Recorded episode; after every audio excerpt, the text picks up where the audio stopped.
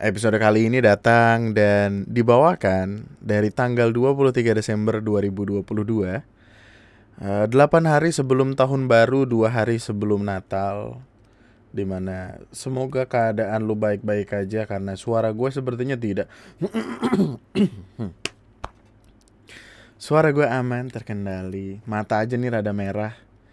Karena sudah mengantuk. Oh, habis bikin podcast berarti harus buru-buru balik tidur ya? Besok gue mau pergi soalnya Uh, ada beberapa pembahasan yang nantinya akan kita tutup dengan email seperti biasa.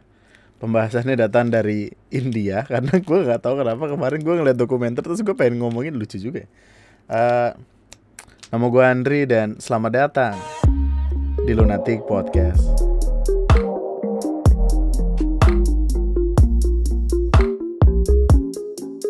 Calon jenazah, gue Andri dari Lunatic Podcast. Sebelum podcastnya dimulai, gue pengen ngasih tahu lo tentang Anchor. Anchor adalah tempat di mana lo bisa ngebikin podcast secara mudah dan gratis, di mana kebutuhan kayak record, editing, dan publishing ada semua. Anchor juga bakal secara otomatis ngedistribusiin podcast yang lu upload ke berbagai macam platform, termasuk Spotify. Jadi ayo download Anchor dan buat podcast lu sekarang. Apakah lu udah menyiapkan barang-barang yang sekiranya akan lu gunakan untuk tahun baruan nanti? Karena tadi gue ke Super Indo, udah mulai ada peralatan-peralatan untuk bakar-bakar. Dan pertanyaannya, kenapa tahun baru identik dengan bakar-bakar? Mari kita cari tahu. tahun baru identik dengan bakar-bakar? Ih beneran ada loh pertanyaannya. Uh, karena moto hidup gue adalah ketika gue tidak tahu akan sesuatu, Google aja dulu. Oke. Okay. Google aja dulu. Oke. Okay. Ada pertanyaan dari Quora. Mengapa di malam tahun baru kebanyakan orang mengadakan acara bakar-bakar ikan? Lebih tepatnya mungkin mengapa orang pada umumnya mengadakan acara sambil bakar-bakar makanan banyak? Ikan, ayam, daging, sosis, jagung. Berdasarkan pengamatan saya, saya itu siapa Anda? Oke. Okay. Ini mungkin memang sudah pantas dianggap sebagai budaya dari Indonesia yang positif karena mempersatukan anggota keluarga yang biasanya di hari-hari biasa mungkin sibuk dan tidak bisa berkumpul. Karena memang tahun baru jika dirayakan bersama keluarga itu adalah hal yang paling sempurna sekali. Waduh. Bagaimana untuk yang keluarganya tidak lengkap, Bapak? Bagaimana orang yang bapaknya pelaut? yang bapaknya uh, anggota kepolisian yang harus mengamankan jalanan ketika tahun baru bagaimana? Soalnya saya punya kawan, kawan saya bapaknya satpol pp, tidak pernah ditemani selama tahun baru, karena bapaknya ngejaga terus. Saya pribadi sudah lama sekali tidak bakar-bakaran dengan keluarga besar saya. Terakhir mungkin 6 sampai 7 tahun, lupa saya. Karena memang sudah banyak yang terpencar. Cukup rindu karena di Surabaya hanya bisa makan makanan di restoran saja. Nah, jadi intinya karena memang acara bakar-bakar itu adalah momen sempurna untuk mempersatukan anggota-anggota keluarga yang terpisah. Gua sih tahun baruan bakal seru kalau sama teman-teman gua ya. Terakhir gua no, no 2021 kan sama anak-anak ya. Jadi kayak sama teman-teman gua tuh sama nyokap sama adik gua karena emang di rumah gua kan. 2020 rame-rame juga uh, banjir waktu itu. 2019 adalah tahun baru yang gue bener-bener di rumah seinget gue uh, bareng nyokap bareng adik tidak melakukan banyak yang bahkan 2019 itu ketika gue habis bakar-bakar di rumah terus makan gue ke teman-teman gue kan emang sulit untuk mempersatukan keluarga yang tidak satu-satu banget. Kebanyakan dari kita menghabiskan tahun baruan bersama. Harusnya ini harusnya ini dibahas ketika tahun baru kagak usah sekarang. Nggak tahu. Iya soalnya tadi di Superindo tuh ada lu tau kan yang, yang buat bakar sate gitu. Uh, jadi kayak ada arang, ada tusukan, ada abangnya. Wah. Jadi bisa kita booking untuk malam hari. Capek banget abang. Terus ada kipas-kipas. Gue nggak tahu nanti akan beli atau enggak. Kayaknya bakal beli deh. Kayaknya tahun baru akan lebih menyenangkan ketika lo habiskan dengan kawan-kawan lu karena lo tahu kayak kita nggak tahu nih tahun di tahun baru nanti maksudnya setelah tahun baru ini kita lewatin lu bakal pada ngapain di tahun ini gitu. Jadi kayak uh, say goodbye yang tidak goodbye goodbye banget gitu. Karena lu nggak tahu karena kayak tahun baru 2020 bahkan ah, eh 2021 ya Ali kerja. Iya, Ali kerja. Nyusul pagi ya. nyusul pokoknya pokoknya kerja terus balik langsung ke tempat ke rumah gua. Dan kita nggak tahu nih tahun ini apakah Ali akan oh Ali lagi nggak kerja sih lagi nyari dia. Windu juga lagi nyari dia. Farhan iya Windu last day banget tuh. Party party party farewell Windu anjay. Apalah resign pakai Jeko ah. Resign tuh pakai ayam bakar ikan bak harusnya ada jokesnya itu. Eh, farewell gua mah windunya dibakar. Wah goblok ngapain lu? Tapi ada satu hal yang sebenarnya pengen gue bahas di podcast ini. Jadi gua entah kenapa jadi memiliki ketertarikan berlebih akan India. Sebuah negara yang gue yakin gua nggak akan mau untuk pergi ke sana. Karena di pandangan gua gue bersyukur sekali tinggal di Indonesia di sebuah tempat yang ketika bangun tidur nggak ada suara klakson yang jalanan depan lu nggak langsung rame yang meskipun tidak higienis higienis banget jajanan jajanannya di beberapa jajanan ya meskipun tidak higienis higienis banget tapi tidak mengobok tangan ke dalam kuah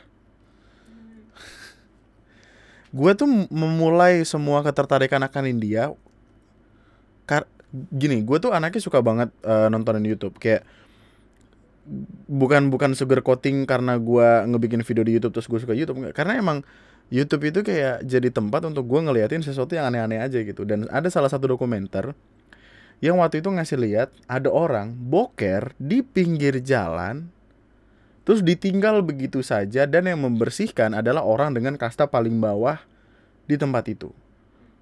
Eh gue lupa dokumenternya judulnya apa tapi bener-bener orang boker sembarangan gitu. Jadi kalau misalkan lu ngelihat ada orang jongkok tapi kaki satunya ditekuk itu lagi boker. Di pantai di gang-gang sempit. Dan yang ngebersihin tuh orang gitu. Kayak kasta paling bawahnya yang mana cukup sebagai orang Indonesia yang ramah tamahnya baik yang gak enakan sama orang segala macem hidup berdasarkan kasta buat gue tuh kayak gue nggak akan hidup di tempat seperti itu gue yakin. Karena artinya yang paling dienakan adalah orang yang kastanya paling tinggi dong.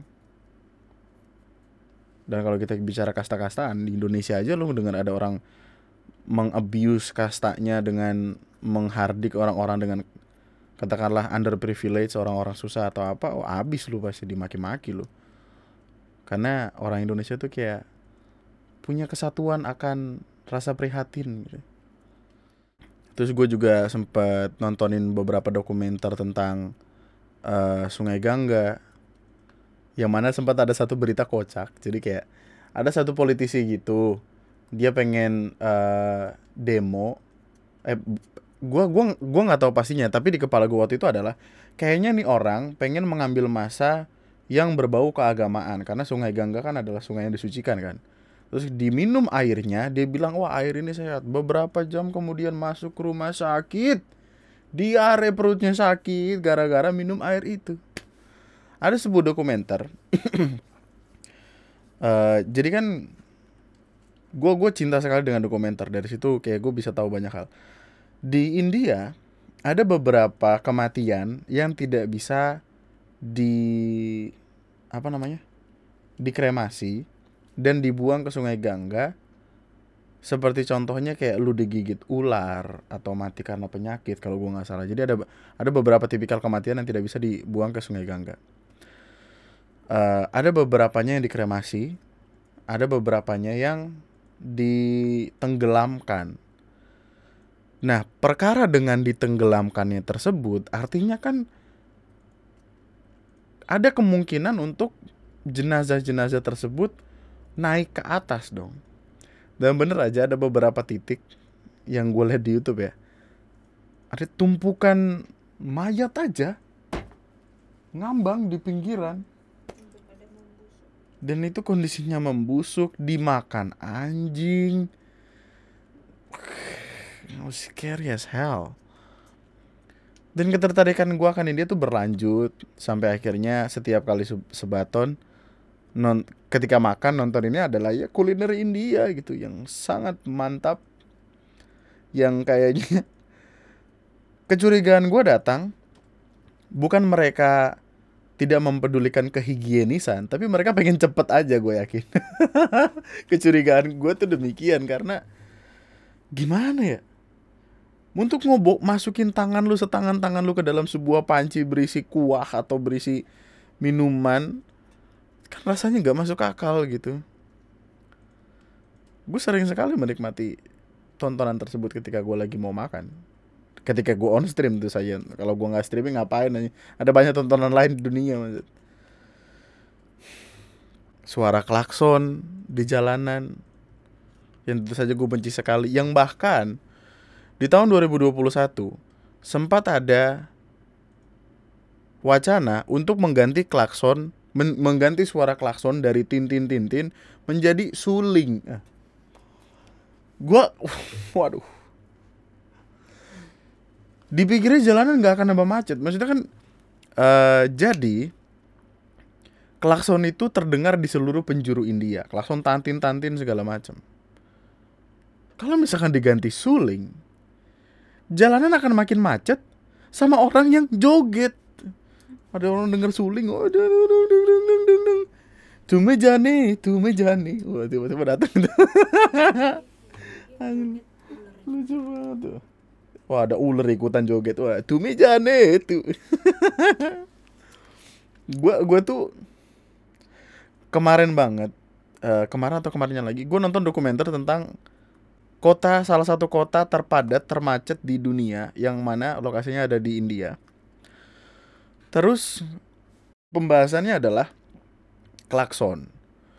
Dan klakson itu bisa terdengar bahkan sampai ke rumah-rumah lu. Terus gue mulai mencari tahu kenapa orang India suka sekali dengan klakson. Jawaban yang gue temukan tidak memuaskan pertanyaan gue kan gue nyari tahu kan eh, kenapa orang India suka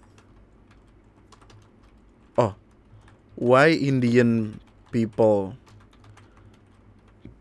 loves to honk their car? So ada jawaban dari Quora.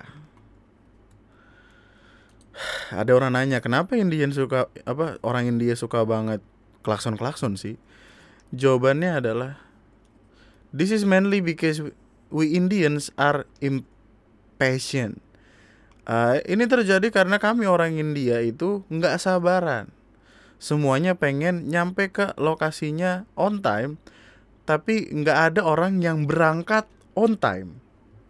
Jadi kayak mereka tuh gini deh, lu ada lu ada acara jam 7 pagi lu bangun udah dari kapan tahu tapi lu baru berangkat jam setengah tujuh. Ketika lu bisa berangkat jam enam setengah enam jam lima bahkan. Mereka pengen on time tapi nggak pengen berangkat on time. Jadi kayak semua tuh pada pada berebut pada pengen dulu duluan tabrakan rush hour dan panik. Ketika ada orang ngelewatin jalan mereka ngeliatin klakson. Ketika uh, mereka mau pindah jalur klakson. Ada lampu hijau klakson. Lampu merah klakson. Waduh orang tidak mempedulikan fakta bahwa mereka harus mengikuti rambu lalu lintas. Yang penting mereka sampai tepat waktu. the people who like to follow the rule are also made to, to break them because some dumb soul behind them is killing their horn in the need to pass. Mereka nggak peduli sama aturan yang ada lah intinya. Yang mereka pengen cuman lewat. Gue nggak peduli apa yang terjadi. Jalan. Klakson terus. Oh dan karena alasan ini juga alasan ketidaksabaran ini India menempati nomor tiga tertinggi dari kematian di jalanan dari seluruh dunia. So people try to be bit patient live before time to reach on time. Dan dan permasalahan ini bener ada di dokumenternya. Kemarin kan gue habis nonton dokumenter itu gue tanya kan, gue gua nyalain Google Assistant, gue tanya dari HP jawabannya ada, eh gue nanya dari remote jawabannya ada di TV. Jawaban di TV adalah karena orang India tidak mengerti fungsi fungsi dari klakson itu sendiri. Apa pun yang terjadi mereka klakson. Ada orang mereka klakson. Ah, Pengen ngebut dikit mereka klakson. Pengen ini mereka klakson gitu. Kalimatnya gitu. Lagi stres klakson aja. Nah gitu. Jawaban yang ada di TV gue begitu dan jawaban itu datang dari Quora. Sedangkan yang kita dapatkan hari ini itu jawabannya lebih masuk akal. Jadi mereka pengen nyampe on time tapi nggak pengen berangkat on time. dari kumparan Apa dari kumparan? Kita sekarang cari jawaban berbahasa Indonesia. Soalnya tadi ini jawaban tadi itu dari orang Indianya langsung. Kalau dari kumparan apa? Saat traveling ke India, kamu pasti sudah tidak heran lagi dengan kemacetan dan klakson kendaraan. Menteri Transportasi India, Nitin Gadkari, mengatakan bahwa pihaknya berencana untuk mengganti bunyi klakson kendaraan dengan alat musik tradisional India. Apa suling? Pertanyaannya, kenapa ya orang India suka membunyikan klakson di jalan? Ternyata ini alasannya. Tidak peduli apa yang mereka kendarai, baik sepeda motor, kendaraan roda 3 seperti rickshaw, hingga truk besar, klakson lebih penting daripada menginjak gas anjing. salah satu alasan, menurut Singh, salah satu alasan kenapa orang India suka membunyikan klakson, karena mereka jarang sekali melihat kaca spion. Bisa dibilang para pengemudi hampir tidak pernah menggunakan spion untuk melihat kendaraan lainnya. Bahkan, ada beberapa kendaraan yang tidak memiliki spion dan hanya terpasang kaca kecil di sisi bagian atas atau dashboard kendaraan seperti bajai atau rickshaw. Jadi, yang ada di benak mereka, baik pengemudi hingga pengemudi truk harus membunyikan klakson sebagai sarana memberitahu mereka bahwa mereka akan lewat. Inilah kawan kenapa kita tidak boleh mangkir dari kehadiran teknologi dalam hidup kita. Kaca atau cermin itu dibuat dari zaman kapan tahu untuk memberitahu kita sesuatu yang ada di balik ya saat ditanya kenapa pengemudi tidak mengasah spion, Singh mengatakan bahwa pihaknya telah menyiapkan armada baru yang lebih modern. Apa? Fenomena klakson dan gaya mengemudi orang India. Pengemudi mengatakan bahwa untuk mengatasi fenomena klakson di India membutuhkan lebih dari sekedar armada yang modern. Masalahnya kalau udah habit tuh gimana gitu? Kalau udah su- kalau udah kebiasaan, sulit sekali loh untuk mengubah hal tersebut gitu. Wow, butuh waktu sampai akhirnya generasi yang ini mati untuk digantikan ke generasi selanjutnya. Menurutnya ketika etika berkendara yang harus dirubah karena hal tersebut membutuhkan waktu yang tak sedikit, Kementerian Transformasi India pun transportasi India pun transformasi mengupayakan penggantian klakson dengan suara yang lebih lembut atau merdu. Ya Allah. Orang jalanan malah makin berisik, banyak yang nyanyi ya kan. Oh, Tuh mejane, tuh mejane. ada sebuah dokumen dokumenter bisa lu cari. Eh, intinya tuh ya alasan-alasannya itu kenapa macet adalah karena kayak ada banyak orang yang berhenti sembarangan belok sembarangan. Bahkan orang nyebrang di jalan aja tuh nggak dikasih lewat. Maksudnya orang yang naik mobil kendaraan tuh kayak lebih mentingin dirinya sendiri daripada orang lewat di depan yang padahal ya orang nyebrang kan penting juga gitu. Terus apa ya? Ngejar targetnya itu loh kemarin kita nonton apa deh? Eh oh nih World's Most Dangerous Roads Bangladesh The Nawapur Road in Dhaka Free Documentary. Dari dari Free Documentary. Gue tuh anaknya terlalu mencintai dokumenter makanya setiap ada dokumenter apa pun tonton aja udah. Tentang apa kek? Eh, videonya 43 menit lu bisa tonton di YouTube menyenangkan sekali untuk melihat bagaimana cara orang di belahan dunia lainnya bereaksi akan hal-hal yang kita sendiri di Indonesia tuh kita ngeliat macet marah-marah ya. Coba lu bayangin lu naik mobil di India. Wow lo. Salah satu yang menjadi eh, apa namanya permasalahan di sana adalah ada ada sebuah kendaraan yang kayak sepeda eh yang kayak beca tapi bukan beca gitu. Jadi kayak rodanya tiga digoes juga. Terus di belakangnya ada dua orang gitu. Kayak bajai gitu tapi digoes. Nah ini kendaraan ini tidak memiliki lampu sen. Jadi belok masih sembarangan aja belok gitu. Makanya orang tuh kayak klakson kayak woi gitu. Dan itu banyak. sempat ada satu scene di dokumenter itu kalau gue nggak salah ada sebuah bus di depannya ada kendaraan yang gue bilang tadi Dia tiba-tiba belok ke kanan mau muter balik busnya panik busnya langsung banting ke kiri gitu terus kayak yang klakson kenceng banget. Dan itu yang menurut mereka salah satu alasan yang membuat tempat itu macet. Itulah kenapa kayak semacet-macetnya di Indonesia kayak gue masih perlu bersyukur gitu. At least nggak nggak terlalu banyak suara spion eh spion suara klakson gak sih di Jakarta Bekasi gitu. Paling lampu merah. Ya paling lampu merah jadi hijau kan karena orang Indonesia tuh nih mungkin ada bule yang dengerin gua nggak tahu juga karena salah satu listener terbanyak di Lunati Podcast itu ada dari Malaysia. Malaysia orang-orang di Malaysia biar gua kasih tahu. Orang di Indonesia tidak melihat lampu berubah hijau lalu jalan. Orang Indonesia di beberapa tempat gue bilang di beberapa tempat biar kamu mengukur rata di beberapa tempat melihatnya bukan lampu, ketika lampu hijau melihatnya ketika lampu di sini masih merah tapi lampu dari arah sebaliknya itu dari hijau berubah ke merah. Paham nggak? Jadi kan kita jalan nih lampu merah kita berhenti. Kita jalannya bukan pas lampu udah hijau tapi arah lain. Eh tapi ketika arah lain lampunya berubah jadi merah. Oh iya. Ya Kita udah jalan. Nah, kenapa suara klason-klason itu terdengar mulu? Karena ada orang-orang yang pemikirannya cerdas sekali dan mungkin sudah hafal jalanan tersebut, memutuskan untuk kayak, ayo jalan itu dia udah merah dia nggak kejar lagi gitu. kita habis ini hijau, hijau lima detik lagi bro, udah ayo jalan bro. Berantem di jalan gara-gara apa namanya inisiatif gue maksud. Hal-hal itu sering terjadi di uh, perempatan yang belok kanannya Kelapa Gading dari arah Pulau Gadung tuh apa? Apa sih namanya nih? Perapatan Cempaka Putih. Pokoknya kanan pulau eh kanan Kelapa Gading kiri eh, Rawamangun. Lurus ke Cempaka Putih. Sampai apal gue itu jalan ke tempatnya Ara di situ situ doang soalnya gue lewatnya. Eh, dunia sudah modern tapi warga India masih harus disogok supaya pakai toilet yo. Ada salah satu film dari India.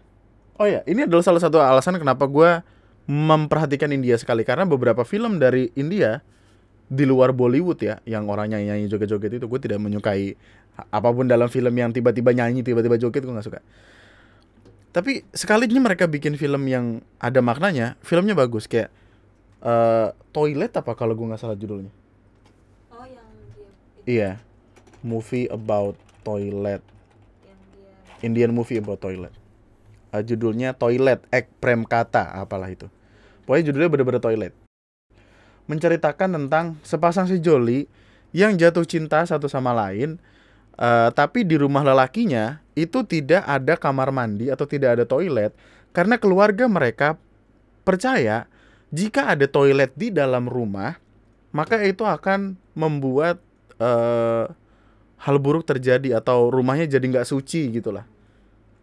Sedangkan yang cewek ini pemikirannya sudah maju sudah paham televisi segala macam eh, paham K-pop bahkan dan dia terbiasa memiliki kamar mandi. Ketika mereka berdua menikah yang cewek ini bingung. Yang cewek ini bingung harus harus boker di mana nih?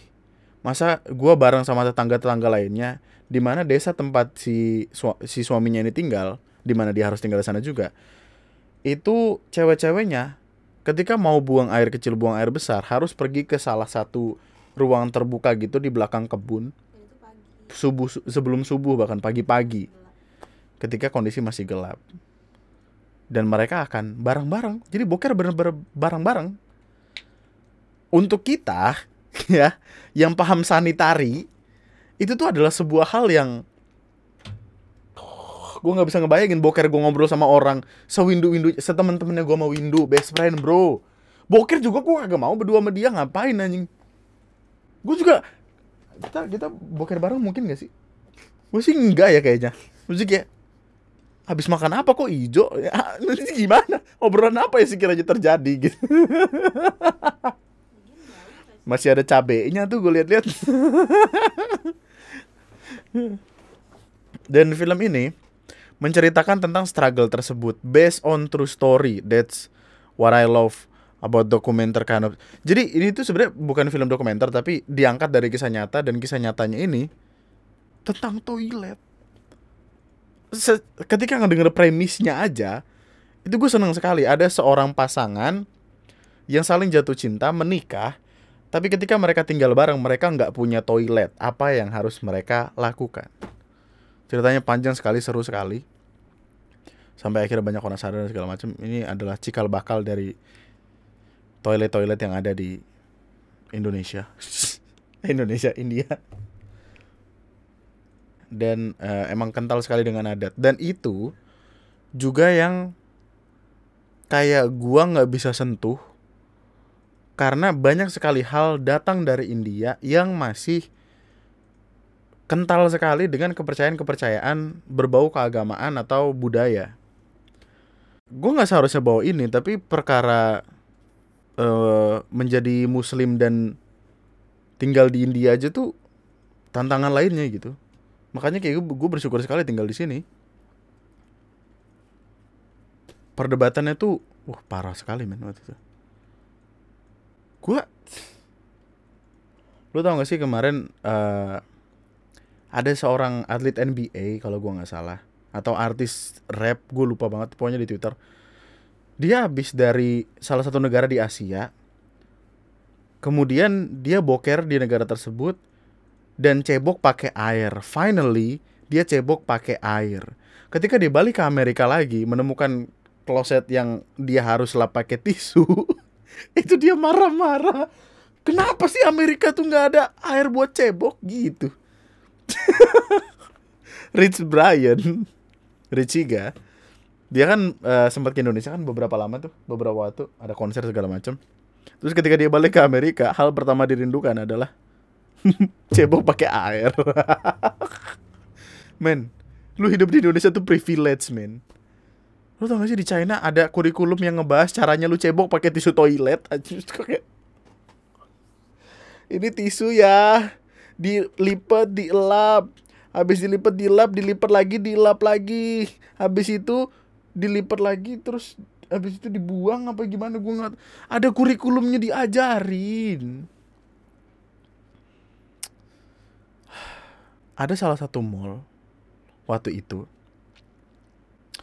mungkin gue bodoh gue nggak tahu tapi waktu itu belum setahu eh, bukan setahu gue gue belum pernah melihat ada sebuah toilet yang bisa nyiram sendiri dari bawah. Mall ini gue lupa di mana. Yang kayak kita pakai sekarang. Waktu itu gue nggak tahu. Gue kira, oh ini mall. Toiletnya toilet Amerika. Tapi kok nggak ada si tisu toilet. Yang gue lakukan adalah waktu itu gue bawa tas, tas gue ada botol aqua berapa 600 mili, 800 mili. 600. Pokoknya yang kecil itu, eh yang sedang itu. Gue pakai sempak gua dulu, gue pakai celana panjang gua dulu dengan kondisi ini masih ke mana-mana. Terus gue ambil aqua tersebut, gue isi di wastafel, gue balik lagi baru gue coba pakai aqua.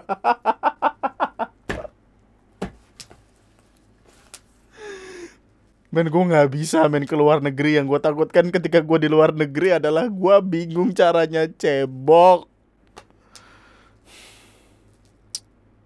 Gokil emang India. Tiba-tiba gokil emang India. Ya apa tuh gua? Soal buang air di ruang terbuka, Indonesia juga mengalami masalah yang sama di pedesaan. BAB cukup nongkrong di atas sungai, atas selokan. Tapi ya pada, iya tapi masih ketutup gitu loh. Kalau kalau yang di India tuh bener-bener di pinggir jalan. Bahkan ada satu scene di film tersebut. Ini sorry kalau spoiler. Tapi ceweknya itu si cewek si istri ini kesal karena ada cowok-cowok yang bawa traktor, lampu traktornya dinyalain untuk nyenterin mereka yang lagi boker. Jadi jadi cewek-cewek ini malu gitu.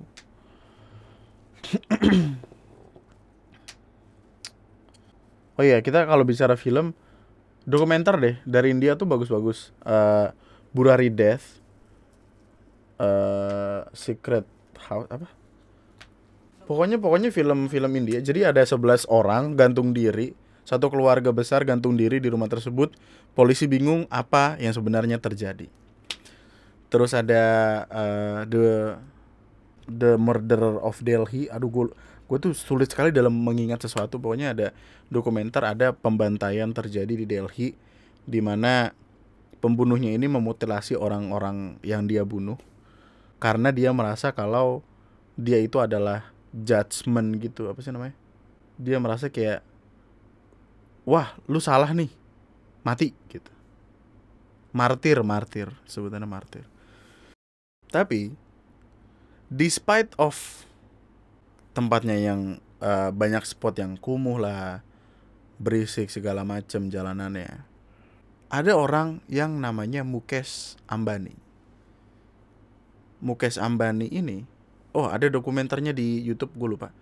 Uh, intinya dia datang dari dia dia adalah anak dari salah satu orang paling kaya di India. Kemudian dia bisa jadi kaya juga karena bisnisnya. By the way dia punya adik kalau gue nggak salah adik atau kakak gitu di mana mereka rival satu sama lain gitu. Intinya ini orang kaya banget. Pemilik rumah paling mahal nomor 2 di dunia. Dan ketika lu ngelihat rumahnya lu akan berpikiran kayak wah gila 10.000 hektar rumah dia kagak main rumahnya tinggi ke atas gitu dan dan kocak. Nih rumah lu lu cari deh. Ah gua gua pakai ini aja deh. Rumah Mukesh Ambani. Yang di yang di yang di Spotify cari sendiri. Rumahnya tuh dia kayak markas Avengers tau gak sih? Jadi dia tinggi ke atas gitu kayak gedung. Tapi keren keren oke keren cuman ketika lu melihat sekelilingnya berisi rumah-rumah warga yang sudah kumuh lah yang tidak terawat segala macem rumah ini jadi nggak jadi keren men. Gimana ya? Em, buat gue pribadi sih well mungkin selera ya. Tapi buat gue definisi dari rumah termahal seharusnya luas bukan tinggi.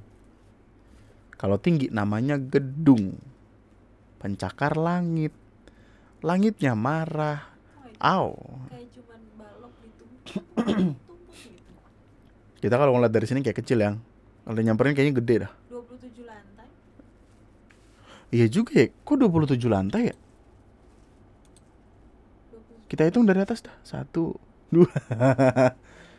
Anjing 27 lantai ya. Aduh. Tapi ya ada orang kayanya juga gitu dan ada banyak sekali eh, CEO atau orang-orang penting di perusahaan-perusahaan yang mungkin lu kenal itu orang India kenapa karena mereka pintar ada salah satu seingat gue ya ada salah satu aturan di kota tertentu di India yang intinya hak dari warganya adalah memiliki internet. Kita bicara hak loh. Kalau kita kan paling sandang pangan papan pendidikan atau atau apalah gitu. Di sana udah internet gitu. Lu pikir kenapa PewDiePie kalah sama T-Series aja? Subscribersnya T-Series sudah 200-an eh hampir 200 apa 200 sekarang. PewDiePie masih 110-an, 120-an juta. Catur aja itu ditemukannya di India loh. Gue baru tahu. Catur itu ditemukan di India. Ini harus gue riset terlebih dahulu ya. Mungkin lu juga harus riset lagi. Tapi gue sempat nemu artikel yang bilang gitu. Catur itu ditemukan di India. Tapi juara dunia catur, master catur sekarang siapa? Siapa namanya deh yang bocah pintar itu? Queen's Gambit. Ya Allah, banyak nonton Netflix lu. Master Chess Now Eh, Magnus Carlsen Magnus Carlsen Ya makan udah jago dari bocah anjing. Oh nih. Iya bener. bener dari India kan? Ini bener. Catur itu ditemukan di India. Oke. Tujuh fakta tentang India. India memiliki populasi terbesar kedua di dunia. Betul. Dan Projection ke depannya India populasinya akan mengalahkan China. Dengan negara yang tidak seluas itu. Maksudnya kalau bandingannya sama China lebih gede China loh. China itu gede. Tapi ini India itu ketat banget loh. Lu tau gak sih?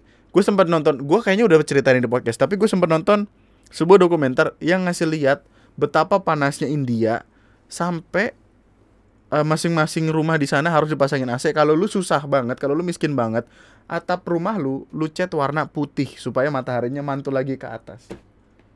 Saking panasnya. Ketika orangnya banyak rumah di mana-mana berharap apa? Alkarin kan pernah ke India Aku Karim pernah ke India terus terus aku pernah nonton dia pas ke sana itu sampai 46 der- 46 45 derajat siang-siang 45 46 derajat. Di Indonesia paling tinggi berapa? Di sini udah paling 42 43 gitu kan. 42 Naik satu derajat tuh berasa banget loh bro Asli Percaya gua Panasnya pol Total luas daratan India adalah eh, Sekian 3.287 juta kilometer persegi Yang menjadikannya negara terbesar ketujuh di dunia. Ketujuh. Tapi terpadat kedua. Nggak heran klakson di mana-mana, nggak heran panas, nggak heran asap, nggak nggak heran sama sekali gue.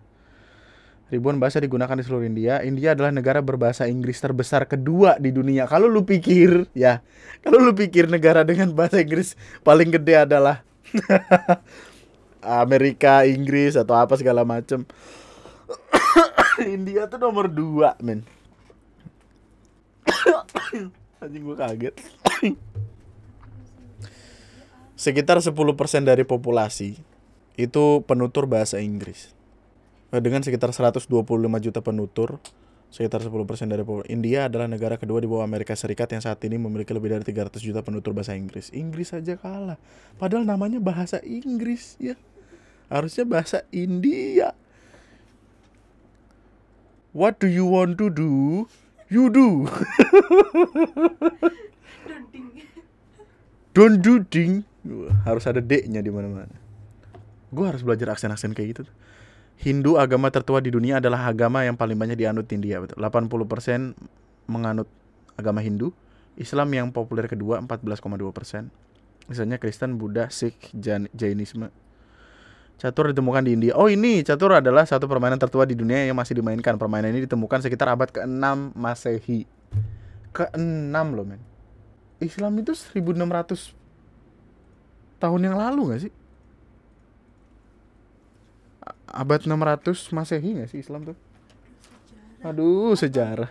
Gua gua lupa-lupa ingat kalau perkara sejarah soalnya. Yang gue ingat kayak cuma ibu kota. Eh, India, New Delhi, eh, Baghdad, Irak, Irak, Baghdad, Iran, Teheran. kemarin kemarin ada pertanyaan tuh. Iran ibu kotanya eh Iran ibu kotanya apa? Teheran. Kalau Irak, Teherak. Wah, kocak. Oke, kita kita cari fakta-fakta lainnya aja. Sistem pemerintahan, republik berdaulat, sosialis, sekuler, demokratik. Sapi dianggap suci di India tentu saja. 70% rempah dunia berasal dari India, gokil. Even ghost pepper, eh, salah satu cabai paling pedas di dunia itu datangnya dari India. Oh iya. Iya. Festival Holi, destinasi wisata ada Taj Mahal. Kuliner populer di India, tandoori, nan, nan bread, roti nan. Eh, Sejak kapan hubungan Hindu Muslim di India memburuk? Tadi gue sempat baca itu tuh. Ya, kayaknya emang kita harus banyak baca untuk mendapatkan ilmu pengetahuan lainnya di dunia. Cuman yang sekarang pengen gua kasih tahu ke lo adalah coba tonton dokumenter-dokumenter yang tadi gue bilang kayak World's Most Dangerous Road Bangladesh dari, dari- dari YouTube-nya Free Documentary. Terus film Toilet, film Burari Death, House of Secret, House of Secret, Burari Death, eh, Butchery of Delhi. Sama itu dokumenter yang Sungai Gangga. Jadi kan eh, apa namanya? Ada beberapa mayat yang ditenggelamkan gitu menggunakan pemberat. Ketika pemberatnya lepas, pum, muncul lagi. Tapi dia- itu semakin memperkuat argumen gue yang bilang kalau kayaknya gue nggak akan mau untuk pergi ke India. Katakanlah hanya untuk traveling. Waktu itu sempat ada orang ngejelasin eh, cerita travelingnya dia ke India dan bukan pengalaman yang menyenangkan. Gue kan bete sih kalau misalkan keluar dari hotel di pinggiran jalan ada tai. Tainya tai orang lagi. Ya Allah. Kan shock sendiri gue dengan negara paling banyak salah satu eh, nomor dua paling banyak pasti kayak yang selalu gue percayakan adalah ketika orangnya makin banyak margin errornya meskipun satu persen tapi ya akan jadi banyak banget. Satu satu persen dari satu juta itu sepuluh ribu loh men. Coba bayangin. Satu persen dari satu juta itu udah sepuluh ribu. Kita bicara 1,4 miliar India tuh satu persennya berapa? Margin error 0,1 persen aja tuh udah banyak gitu. Hmm. sekali lagi saya bersyukur tinggal di Indonesia. Saya bersyukur lahir dan besar di Indonesia. Soalnya kalau gue lahir di India kan gue nggak bisa bahasa India. Yo. Eh, gimana? Eh, what do you do? What do you do? Tapi ya eh, mungkin gue terlalu subjektif dalam ngebahas perkara ini. Jadi gue minta maaf dulu akan itu mungkin ada lu atau teman-teman lu atau keluarga lu atau siapa pun itu pernah pergi ke India dan pengen ceritain tentang apa yang ada di India boleh kirim email ke kami di newrhii@gmail.com n e w r h i gmail.com oh iya istri gue pernah kerja di kedutaan India. Yuk dekat sekali tuh gua sama India kan? Hmm. kita ketemu lagi di podcast esok hari sampai jumpa kembali. Episode selanjutnya kita bacain email. Karena udah 40 menit. Gue besok harus bangun pagi bro. Ngambil rapot eh, nge-review video eh, pergi eh, live malamnya kelas. Ya Allah padat banget gue besok. Bingung bener. Tapi ya itu aja dulu untuk video gue kali ini. Nama gue Andri. Sekian dan terima kasih semuanya. Selamat malam. Bye bye love you